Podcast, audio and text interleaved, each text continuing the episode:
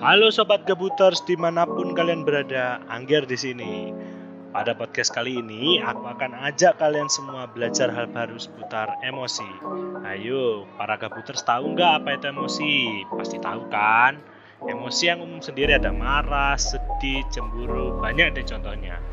Emosi sendiri merupakan hal yang biasa terjadi dan dialami oleh semua manusia. Menurut Daniel Goleman, emosi merupakan kemampuan untuk mengenali perasaan, menentukan perasaan yang sesuai dengan situasi, dan mengkomunikasikan perasaan tersebut secara efektif. Gabuter sekalian, tahu nggak kalau emosi itu berkaitan dengan pengalaman dan interpretasi kita? Nih aku jelasin.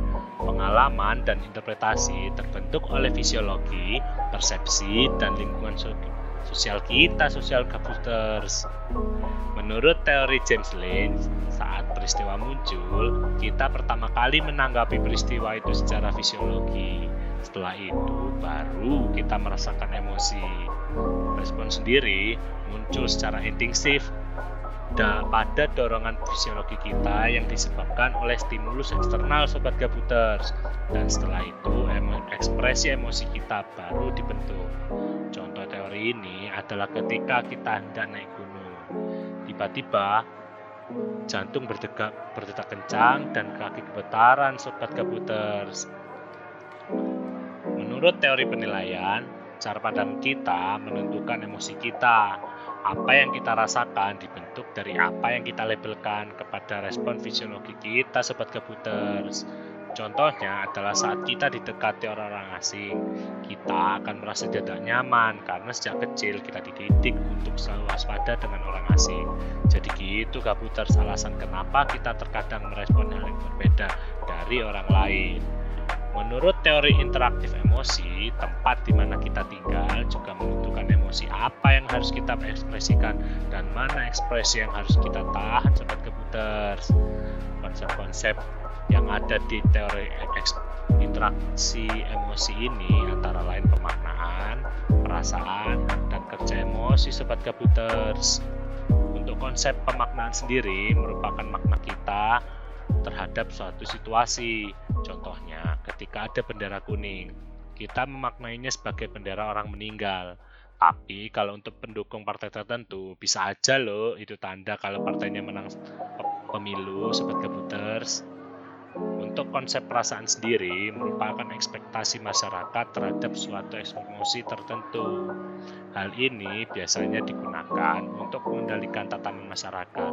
Contoh, pada kebudayaan Samai, marah bisa dipercaya membawa sial. Maka dari itu, mereka sebisa mungkin menghindari amarah sebagai kebudayaan. Untuk konsep kerja emosi sendiri adalah emosi yang dikeluarkan pada situasi tertentu yang dirasa cocok. Contohnya, ketika tim favorit kita menang, kita senang dong. Tapi kemudian kita mendapat kabar kalau teman kita kena musibah kita akan secara spontan merasakan perasaan, perasaan sedih sobat kabuters. Dalam mengekspresikan emosi, kita sering kali mengalami hambatan dalam mengkomunikasikannya secara efektif.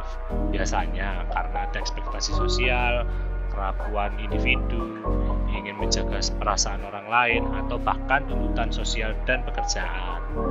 Dan hal, -hal ini sering kali menimbulkan pengekspresian emosi yang tidak efektif, seperti self-harm, denial pada perasaan, dan memasukkan emosi. Nih sobat computers, agar kasih saran nih untuk mengkomunikasikan emosi secara efektif. Cara-cara ini bisa kalian tiru loh. Dari tahap awal adalah identifikasi emosi. Jadi kita harus mengenali dulu emosi apa yang ingin kita ekspresikan, baik atau enggak.